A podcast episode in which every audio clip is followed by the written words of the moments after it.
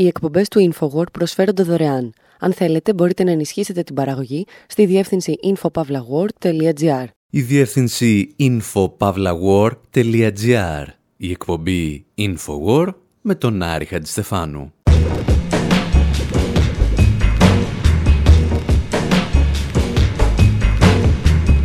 όπου σήμερα γιορτάζουμε τα γενέθλια του Πάμπλο Πικάσο με μερικά περίεργα τραγουδάκια που γράφτηκαν γι' αυτόν. Αναρωτιόμαστε αν ήταν περισσότερο κυβιστής ή κομμουνιστής και ακούμε κάτι πρωτοπάνκιδες να μας διαβεβαιώνουν ότι σίγουρα δεν ήταν μαλάκας. Παρακολουθούμε την πολιτική του σκέψη από τότε που ήταν μποέμ των Παρισίων μέχρι τη στιγμή που εντάχθηκε στο Γαλλικό Κομμουνιστικό Κόμμα. Και παράλληλα λέμε και μερικές ιστορίες με αφορμή τα τρία σημαντικότερα αντιπολεμικά του έργα.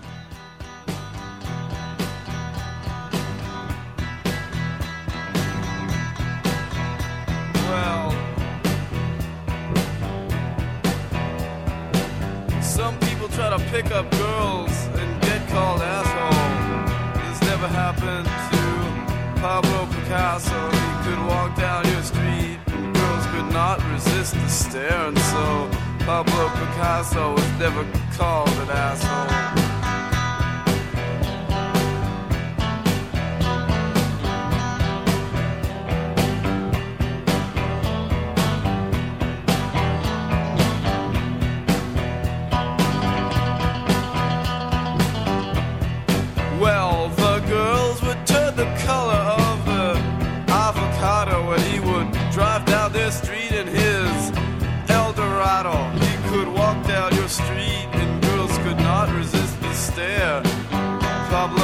also never got called an asshole. Not like you.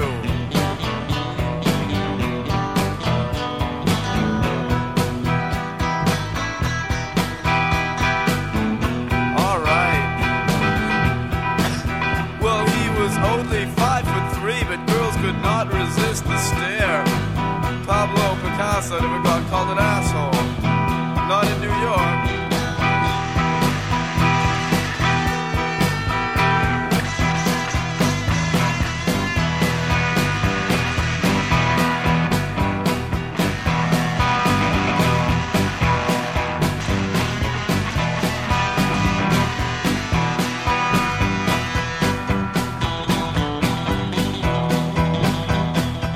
Οι Modern Lovers, ένα συγκρότημα που επηρεάστηκε βαθύτατα από τους Velvet Underground και τα μέλη τους συμμετείχαν στους Cars και τους Talking Head, έχουν μια ιστορία να μας διηγηθούν.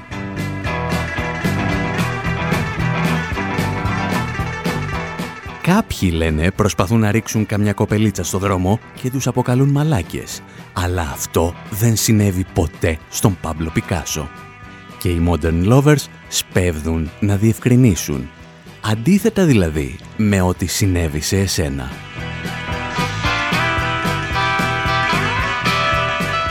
Το συγκρότημα εξηγεί ότι παρά το γεγονός πως ο Πάμπλο Πικάσο ήταν μόλις 5 πόδια και 3 ίντσες, δηλαδή 1 μέτρο και 60 εκατοστά, δεν υπήρχε καμία γυναίκα που να μπορούσε να αντισταθεί στο βλέμμα του. Παραδόξως, το συγκεκριμένο κομμάτι είναι ίσως το γνωστότερο τραγούδι που έχει γραφτεί για τον διασημότερο ζωγράφο όλων των εποχών. Ηχογραφήθηκε το 1972, ένα μόλις χρόνο πριν από το θάνατό του. Αλλά υποθέτουμε ότι ο Πικάσο δεν το άκουσε ποτέ, γιατί το τραγούδι κυκλοφόρησε το 1976.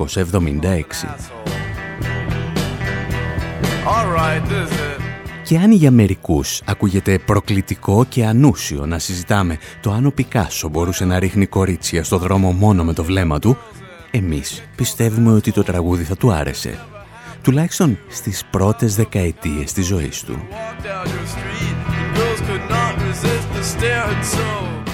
Γιατί, όπως είχε πει κάποτε και ο Ντάνιελ Άνρε Κανβάιλερ, ο πρώτος συλλέκτης που ασχολήθηκε σοβαρά μαζί του, ο Πικάσο ήταν ο πιο απολύτικος άνθρωπος που είχε γνωρίσει στη ζωή του. Όλα αυτά όμως θα αλλάξουν με τον Ισπανικό εμφύλιο. Του ταύρου ο Πικάσο ρουθούνιζε βαριά και και στα κουβέλια τότε σάπιζε το μέλι Τραβέρσο ανάποδο πορεία προς το βοριά Τράβα μπροστά πίσω εμείς και εμείς εμέλη ο Θάνος Μικρούτσικος μελοποιεί Νίκο Καβαδία και μας δίνει ένα από τα ελάχιστα τραγούδια του 20ου αιώνα που αναφέρουν ταυτόχρονα τον Φεδερίκο Γκαρθία Λόρκα και τον Πάμπλο Πικάσο. Ο Ισπανός ζωγράφος θα συγκλονιστεί από τη δολοφονία του Λόρκα, αλλά και από τη θηριωδία του φασισμού απέναντι στις δημοκρατικές δυνάμεις της Ισπανίας.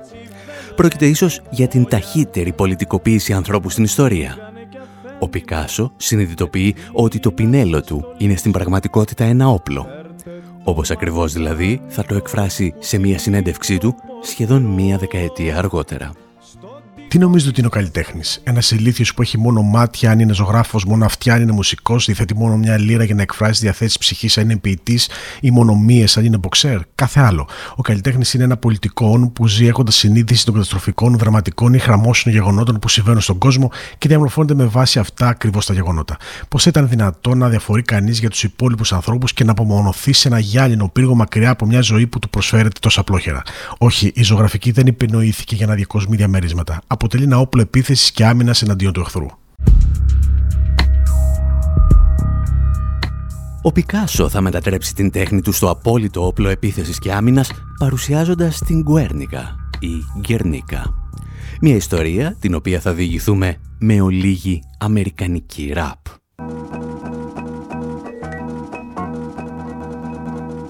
It's acrobatic with the final fantasy tactics. Eliminating whack shit. With strategy that's sick. Teaming with my accomplice who helped me on the fat shit. Will fuck your tower up with multiple power ups. My appetite for pain will eat a meteor shower up. Crash a thousand crews. Grab a bite and get showered up. You feel refreshed now. Let's continue the quest. I use a towel to catch innards of those we disembowel for foul play. Lift what did Colin Powell say? Who knows? I had flood waters wash his ass away. He was just another rabble rouser from Babel's tower living in the glorious realms of false power. I make you shake your ass, I make you nod your head, plus give you the motivation to get your ass out of bed. Cause to me, MC means motivate the crowd and eliminate the evil, cause I know they hate the proud. I blow the fakers out of the box with hip hop. They ought to stop or watch their frame get chopped. Or better yet, they suffer from paralysis and shock. So if you're feeling this, pump your fist when it drops. The yo. Avengers sent to tear down the terrorists. Perceptionists. Who's that? I can live. And you know that we're attacking with the war for sure. The earth, Yo, get another realm to explore. At this point, the predator blinks. Knowledge rifles pass ahead of the Sphinx. The nation cringes as a terrorist thinks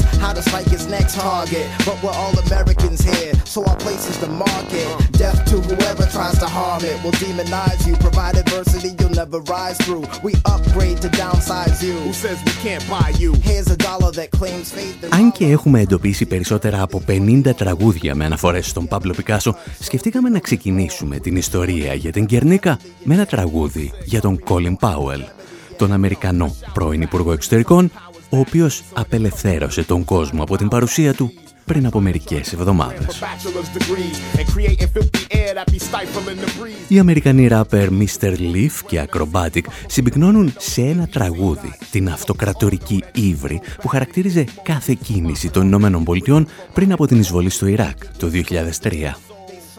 Μπορούμε, τραγουδούσε ο Mr. Leaf, να σε διαβάλουμε ή απλώς να σε εξαγοράσουμε. Και ο Colin Powell δεν είναι παρά ο δημαγωγός μιας σύγχρονης Βαβέλ.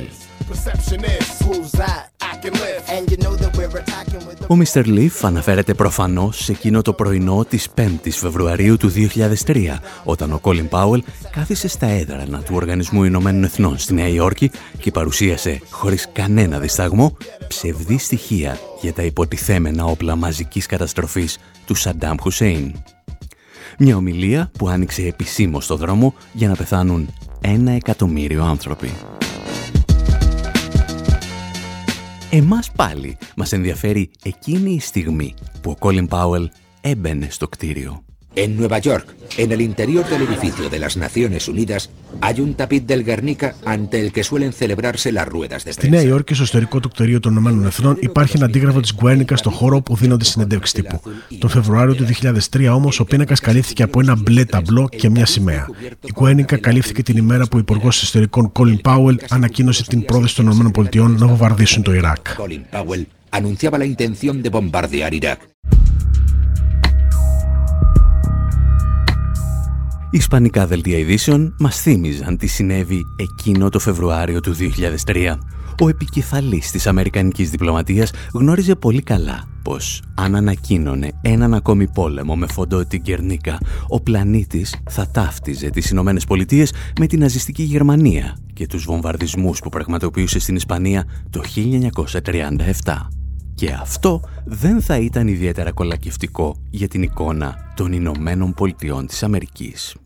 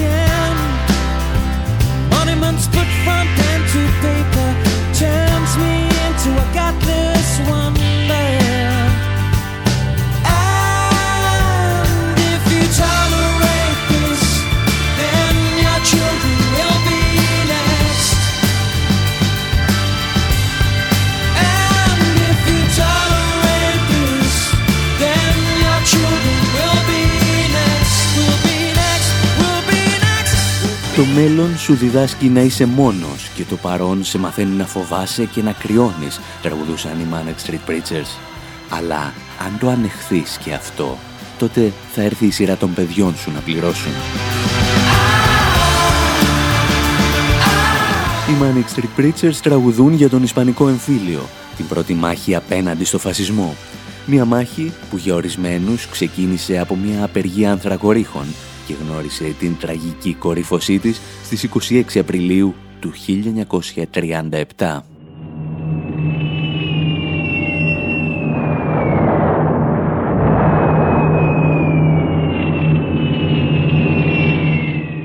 El bombardeo de Guernica efectuado con una mezcla explosiva de elevado poder destructor. Τα βομβαρδιστικά της ναζιστικής αεροπορίας που ακούμε από ένα σπάνιο ντοκιμαντέρ της ισπανικής τηλεόρασης απογειώνονται με προορισμό την Κερνίκα, στη χώρα των Βάσκων.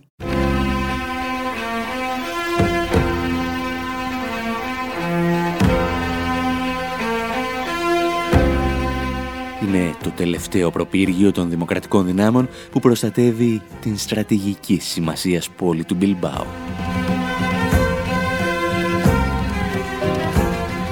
Ο Φράνκο έχει στο πλευρό του τον Χίτλερ.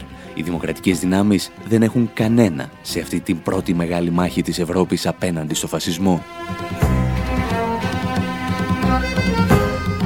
Το Λονδίνο έχει αγνοήσει τις εκκλήσεις για βοήθεια. Η Μόσχα προθυμοποιείται να βοηθήσει με καθυστέρηση και μόνο αφού λαμβάνει οικονομικά ανταλλάγματα.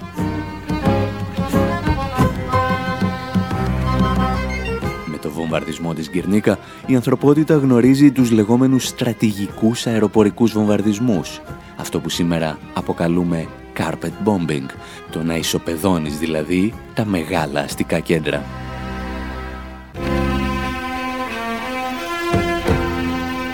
Πόλη θα μπορούσε να είχε καταληφθεί και με άλλα μέσα. Οι δυνάμεις του άξονα όμως θέλουν να στείλουν ένα μήνυμα φρίκης, ακριβώς όπως είχε κάνει και ο Φράγκος στην Αστούριας.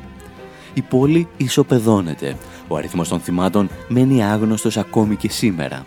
Κάποιοι μιλούν για 200 νεκρούς, κάποιοι για χίλιους.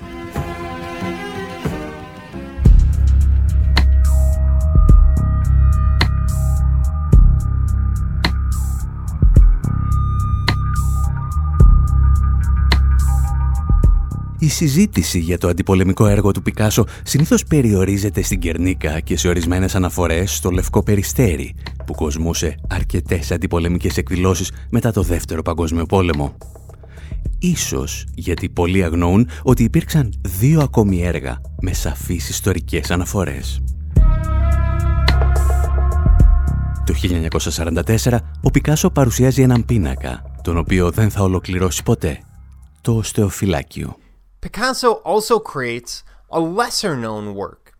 And this is based entirely on World War II. And this is called The Charnel House, Paris. Ο Πικάσο δημιουργεί και ένα λιγότερο γνωστό έργο. Βασισμένο εξ ολοκλήρου στο Β' Παγκόσμιο Πόλεμο, ονομάζεται Οστοφυλάκιο. Είναι η ανολοκλήρωτη απεικόνηση μιας οικογένειας που σφαγιάστηκε στο ίδιο του σπίτι.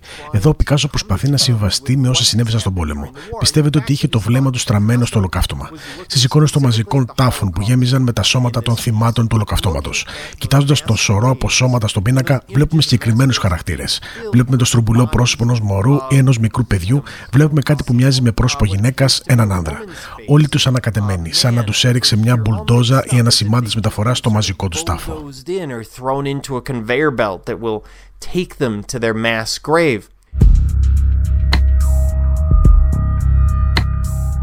Οι ιστορικοί διαφωνούν ακόμη και σήμερα εάν το οστεοφυλάκιο αναφέρεται αποκλειστικά στο ολοκαύτωμα από τους Ναζί ή εάν ο Πικάσο το εμπνεύστηκε από τον Ισπανικό εμφύλιο το οποίο πρακτικά για μας έχει ελάχιστη σημασία, αφού και στις δύο περιπτώσεις έχουμε ένα φασιστικό έγκλημα εναντίον αμάχων.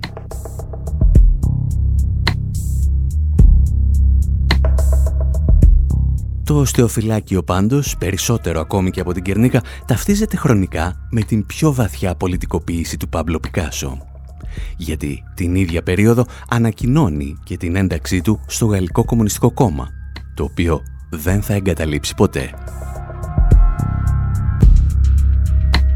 Και αυτό είναι ένα απόσπασμα από το κείμενο με το οποίο ανακοίνωσε την απόφασή του που δημοσιεύθηκε στη γαλλική εφημερίδα Humanité τον Οκτώβριο του 1944. Η προσχώρησή μου στο Κομμουνιστικό Κόμμα είναι η λογική συνέπεια όλης μου της ζωής, όλου μου του έργου. Αγωνίστηκα με τη ζωγραφική μου πάντα σαν αληθινός επαναστάτης. Κατάλαβα όμως ταυτόχρονα πως αυτό μόνο δεν φτάνει. Τα τελευταία χρόνια της τρομερής καταπίεσης μου δείξανε πως είχα την υποχρέωση να πολεμήσω όχι μόνο με την τέχνη μου, μα με ολόκληρο το είναι μου. Και τότε πήγα προς το Κομμουνιστικό Κόμμα χωρίς τον παραμικρό δισταγμό, γιατί στο βάθος ήμουν πάντα μαζί του. Ο Ελιάρ, ο Αραγκόν, ο Κασού, ο Φουζερόν, όλοι μου οι φίλοι το ξέρουν καλά και αν ως τώρα δεν είχα προχωρήσει επίσημα, αυτό οφειλόταν σε ένα είδος αφέλειας. Γιατί νόμιζα πως το έργο μου και η καρδιά μου που ήταν μαζί του φτάνανε. Μέσα μου, όπως πάντα, αυτό ήταν το κόμμα μου. Μήπως δεν είναι αλήθεια πως το Κομμουνιστικό Κόμμα είναι εκείνο που προσπάθησε περισσότερο να γνωρίσει και να στυλώσει τον κόσμο, να κάνει τους σημερινούς και τους αυριανούς ανθρώπους πιο ελεύθερους, πιο ευτυχισμένους, με καθάρια τιμή και σκέψη; Δεν είναι αλήθεια πως οι κομμουνιστές δείχτηκαν οι πιο θαραλέοι τόσο στη Γαλλία όσο και στη Σοβιετική Ένωση και στην Ισπανία; Μου. Γιατί τα είχα να διστάζω. Μήπως από φόβο μην αναλάβω υποχρεώσεις; Αντίθετα, ποτέ δεν ένιωσα τον εαυτό μου τόσο ελεύθερο, τόσο ολοκληρωμένο.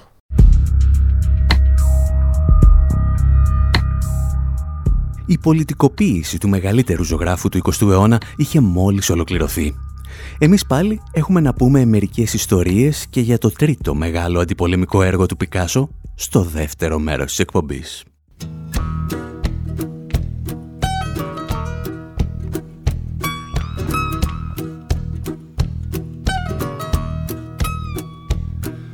Picasso said in 1910, I'm gonna paint me a mandolin. Could be cubes, it could be curves. I like to mix the paint with nerve. I load my brush and fire away. Paint me a hole in the light of day. Well, you can play it straight or play it from left field. You got to play it just the way you feel. Come on, boys, and play it. Picasso's mandolin. Well, it's coloring books and drinking wine. It's hard to stay between the lines. Now, there ain't no rule if you don't break it. There ain't no chance if you don't take it. Said the damnedest thing he'd ever heard was trying to learn a thing from a mockingbird. You can play it straight or play it from left field. You got to play it just the way you feel. Come on, boys, play it again. Play it on Picasso's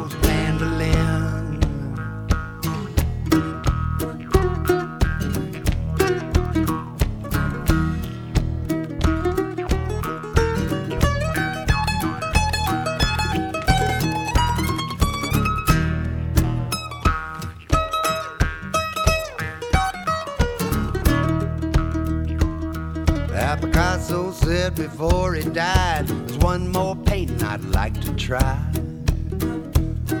Well, the doctor held his breath and then Picasso nailed a mandolin. He's born in Spain and died in France. He was not scared of baggy pants. Well, you can play it straight or play it from left field. You got to play it just the way you feel. Come on, boys, play it again. Play it on Picasso's mandolin. Play it straight or play it from left field. You got to play it just the way you feel. Come on,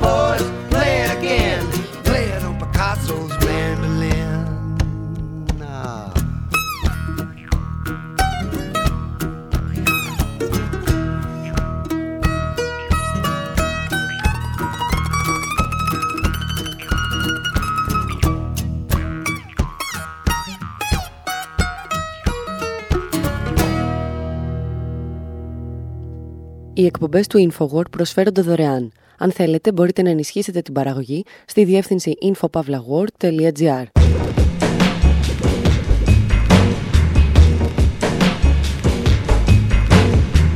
Εκπομπή Infowar, μέρος δεύτερο.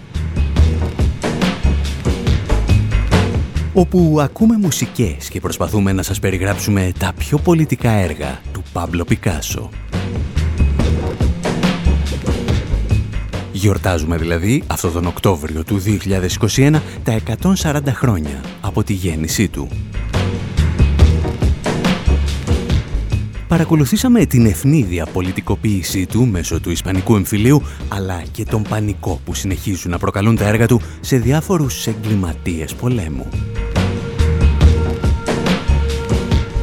Και αφού μιλήσαμε για τη διάσημη Κερνίκα και το λιγότερο γνωστό οστεοφυλάκιο, μένει να πούμε δύο κουβέντες και για την παγκοσμίως άγνωστη σφαγή στην Κορέα.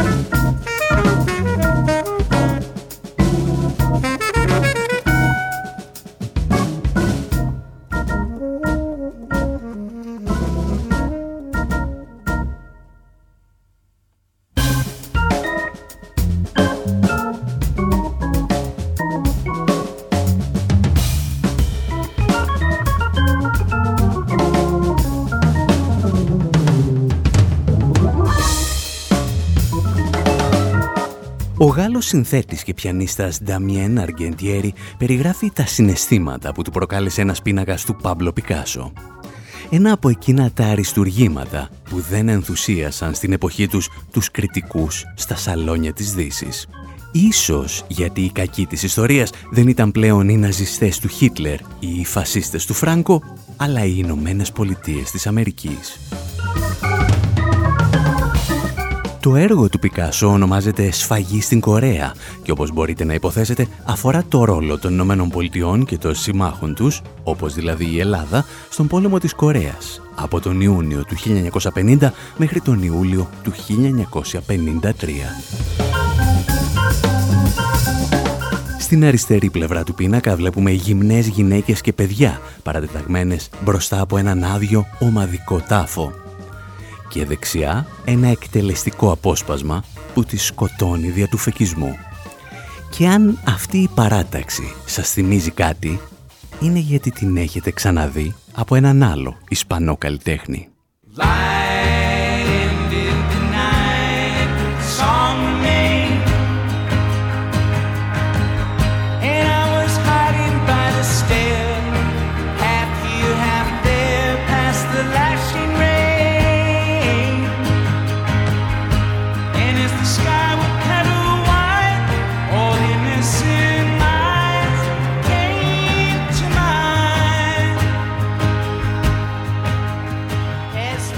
Οι Fleet Foxes από το Seattle, μεταξύ άλλων, αναφέρονται στο τραγούδι τους και σε μια ημερομηνία, τις 3 Μαΐου. Και εννοούν φυσικά την 3η Μαΐου του 1808, το όνομα που έδωσε ο Γκόγια στον διάσημο πίνακά του, όπου απεικονίζει την εκτέλεση Ισπανών πολιτών από τις δυνάμεις του Ναπολέοντα. Ο Πικάσο φαίνεται να μεταφέρει στον κόσμο του εξπρεσιονισμού την εκτέλεση πολιτών από μια αυτοκρατορία, την οποία αποθανάτησε ο Γκόγια. Και αυτή τη φορά ο αυτοκράτορας είναι ο πρόεδρος των Ηνωμένων Πολιτειών της Αμερικής. Αρκετοί ιστορικοί υποστηρίζουν σήμερα ότι δεν είναι σαφές εάν τελικά ο Πικάσο είχε στο μυαλό του τα εγκλήματα των Ηνωμένων Πολιτειών ή κάποιο συγκεκριμένο ιστορικό γεγονός. Εμείς πάλι θεωρούμε ότι αυτοί οι ιστορικοί είναι απλώς αναθεωρητές. Γιατί όποιον και αν ρωτούσες πριν από μερικές δεκαετίες θα σου έλεγε ότι ο πίνακας απεικονίζει τις ομαδικές σφαγές που πραγματοποιούσαν Αμερικανοί στρατιώτες στην Κορεατική Χερσόνησο. Πιστεύετε μάλιστα ότι το έργο περιγράφει τη σφαγή του Σιντσόν τον Οκτώβριο του 1950 όταν νοτιοκορεατικές δυνάμεις με την υποστήριξη και υπό την επίβλεψη των ΗΠΑ προχώρησαν σε ομαδικές σφαγές. Σύμφωνα με πληροφορίες, ο απολογισμός έφτασε τους 35.000 νεκρούς. Για να καταλάβετε όμως τι ακριβώς είχε στο μυαλό του ο Πικάσο για τις Ηνωμένες Πολιτείες, θα χρειαστεί να θυμηθούμε μερικές ιστορίες από τον πόλεμο της Κορέας. Mr. Richie Haven.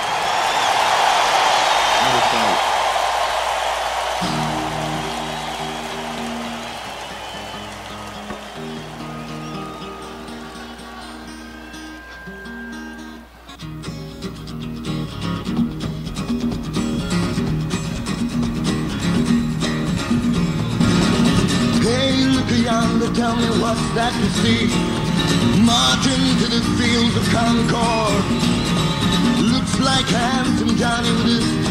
flintlock in his hand Marching to the Concord War Hey, marching to the Concord War Hey, look around to tell me what's that you see Marching to the fields of Gettysburg Looks like handsome Johnny with his hay musket in his hand, marching to the Gettysburg War. Hey, marching to the Gettysburg War.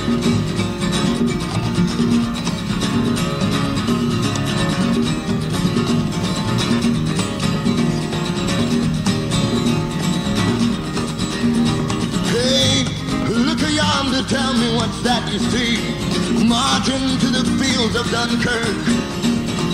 Looks like handsome Johnny with a carbine in his hand, marching to the Dunkirk War. Hey, marching to the Dunkirk War.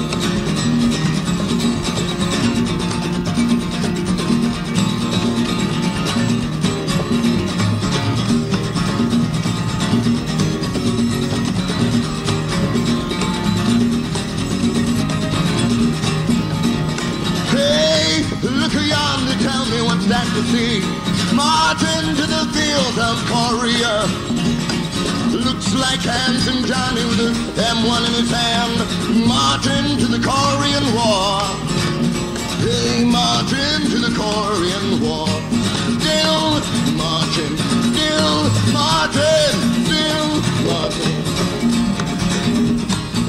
Ο Ρίτσι Heaven σε ζωντανή ηχογράφηση από το Woodstock τραγουδάει για τον όμορφο Γιάννη τον Handsome Johnny. Τραγουδάει για τον Αμερικανό στρατιώτη, ο οποίος στο πέρασμα των αιώνων βρίσκεται πάντα με ένα όπλο στο χέρι να σκοτώνει και να σκοτώνεται σε κάποια μακρινή γωνιά του πλανήτη. Κάπου εκεί, στη μέση του τραγουδιού, ο όμορφος Γιάννης έχει φτάσει στην Κορέα με ένα στρατιωτικό μία ένα στο χέρι. Μόνο που στη συγκεκριμένη μάχη ο Γιάννης της ιστορίας μας θα πραγματοποιήσει ορισμένα από τα φρικτότερα εγκλήματα στη σύγχρονη ιστορία του πολέμου. Ο Νοαμ Τσόμσκι μιλούσε πριν από χρόνια για τα αμερικανικά εγκλήματα πολέμου στην Κορέα, τα οποία συνέκρινε με τις ναζιστικές θηριωδίες του Δευτέρου Παγκοσμίου Πολέμου. Uh, here we have to recall a characteristic difference between the culture of conquerors and victims. Uh, quite typically, the powerful Πρέπει πάντα να θυμόμαστε μια διαφορά ανάμεσα στην κουλτούρα του κατακτητή και του θύματος. Συνήθως οι ισχυροί θέλουν να ξεχάσουμε την ιστορία ή μας παρουσιάζουν μια αποστηρωμένη εκδοχή της. Οι ιτημένοι δεν έχουν αυτό το πλεονέκτημα και θυμούνται πάντα την ιστορία τους. Οι Βορειοκορεάτες θυμούνται πολύ καλά τι εννοούσε η πολεμική αεροπορία των ΗΠΑ όταν έλεγε ότι έδωσε ένα μάθημα που κανένας κομμουνιστής δεν θα ξεχάσει. Αυτό το μάθημα, όπως το αποκαλούσαν, δόθηκε ένα μήνα πριν από την κατάπαυση του πυρός στον πόλεμο της Κορέας. Καθώς δεν υπήρχε πλέον κανένα στόχο για τα βομβαρδιστικά, αφού η χώρα είχε ισοπεδωθεί ολοκληρωτικά, οι Αμερικανοί πιλότοι άρχισαν να βομβαρδίζουν το δίκτυο άρδευσης. Τα φράγματα που βομβαρδίστηκαν χρησιμοποιούνταν για να παράγεται το 75% του ρυζιού της Βόρειας Κορέας. Με την πράξη τους αυτή, οι Δυτικοί καταδίκαζαν τους Ασιάτες σε αργό θάνατο από πείνα. Μόνο έτσι μπορείς να κατανοήσεις την οργή και την υπόσχεση για εκδίκηση απέναντι σε εγκλήματα πολέμου που αν είχαν δικαστεί στην Ινεμβέργη θα οδηγούσαν στην εκτέλεση των υπευθυνών. of the kind of crimes that led to death sentences at Nuremberg.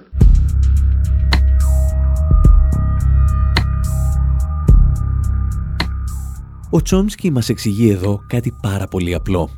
Πως Γερμανοί αξιωματικοί που πραγματοποίησαν ανάλογα εγκλήματα με αυτά που πραγματοποίησε η Αμερική στη Βόρεια Κορέα δικάστηκαν, καταδικάστηκαν και εκτελέστηκαν στην Ιραμβέργη. Οι Αμερικανοί όμως, σε αντίθεση με τους Ναζί, ήταν οι νικητές του πολέμου και για τα εγκλήματά τους δεν δικάστηκαν, δεν καταδικάστηκαν και δεν εκτελέστηκαν ποτέ. Η Κριστίν Χόγκ, καθηγήτρια στο Πανεπιστήμιο της Καλιφόρνιας, ήρθε να μας θυμίσει, μιλώντας στον Democracy Now, μερικές ακόμη πτυχές του πολέμου της Κορέας.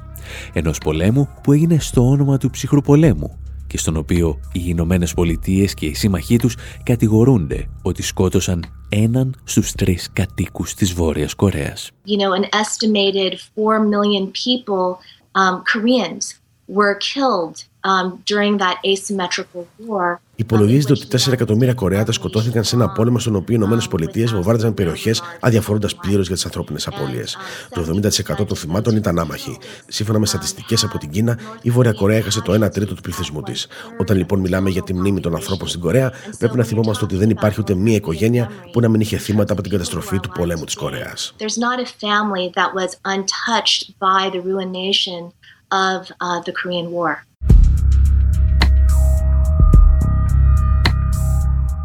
Βόρεια Κορέα δεν μπορεί λοιπόν να ξεχάσει τα τρομακτικά εγκλήματα για τα οποία κανένας δεν θέλησε ποτέ να απολογηθεί. Το πρόβλημα είναι ότι αυτή η οργή μετατρέπεται σε εργαλείο του καθεστώτος για να ελέγχει τον πληθυσμό, αλλά και σε εργαλείο των Ηνωμένων Πολιτειών για να ελέγχουν την Κίνα. Μερικές ακόμη σκέψεις επί του θέματος εντός ολίγου.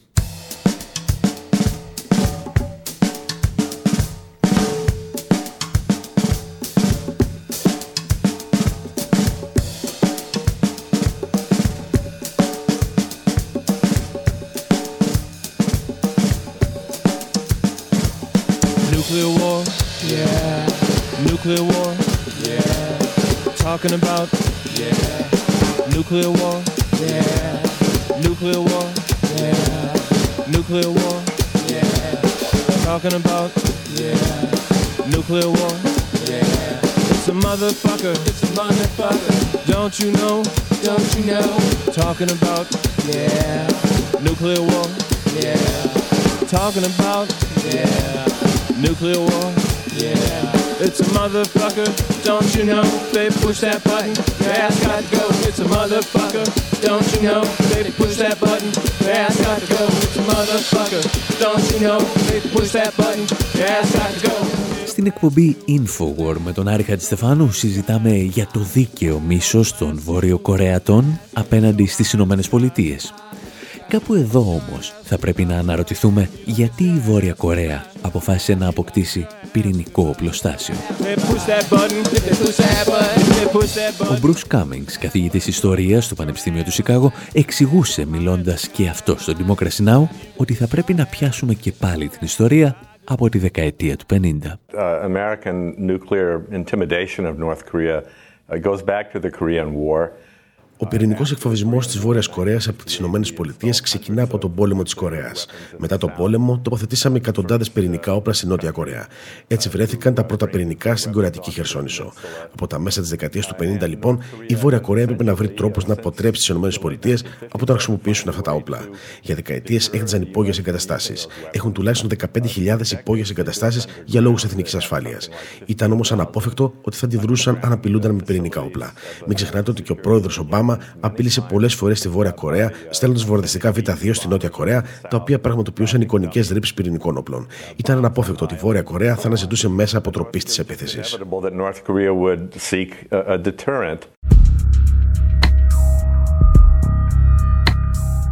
Φέτος συμπληρώθηκαν 70 χρόνια από την ημέρα που ο Πάμπλο Πικάσο παρουσίασε το έργο του «Σφαγή στην Κορέα» για τα εγκλήματα των Ηνωμένων Πολιτειών στα χρόνια του πολέμου της Κορέας.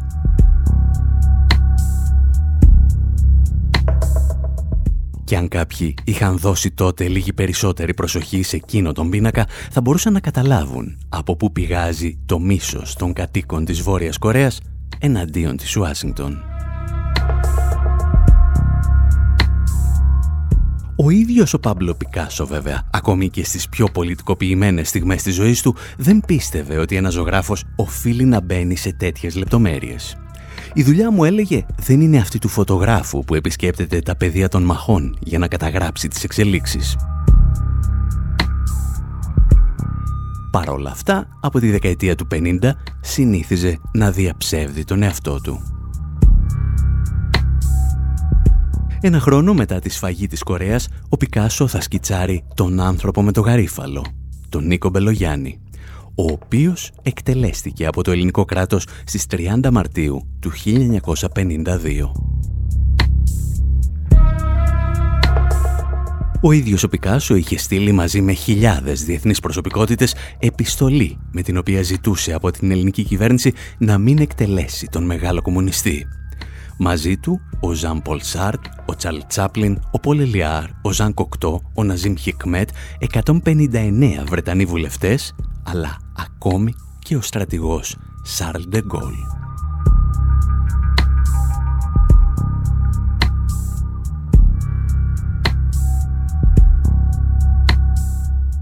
Στο σημείο αυτό πάντως εμείς λέμε να σας αφήσουμε περίπου όπως ξεκινήσαμε. Με τον David Bowie να διασκευάζει εκείνο το τραγουδάκι που έλεγε ότι κανένας ποτέ δεν αποκάλεσε τον Πάμπλο Πικάσο μαλάκα. Να θυμάστε ότι μας βρίσκεται πάντα στη διεύθυνση infopavlawar.gr από όπου μπορείτε να μας ακολουθείτε στα social media και αν έχετε όρεξη να ενισχύσετε τις παραγωγές μας. Μέχρι πάντως την επόμενη εβδομάδα, από τον Άρη Χατζηστεφάνου στο μικρόφωνο, τον Ανδρέα Κοσιάρη σε μεταφράσεις και έρευνα και τον Δημήτρη Σαθόπουλο στην Γενική Τεχνική Επιμέλεια, γεια σας και χαρά σας.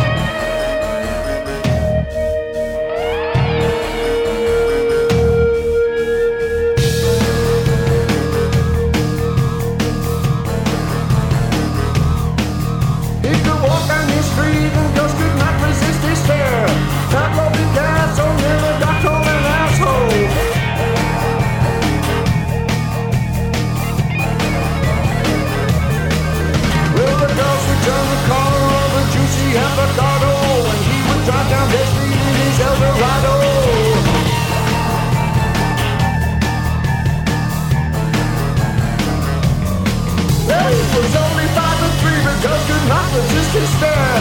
Pablo castle.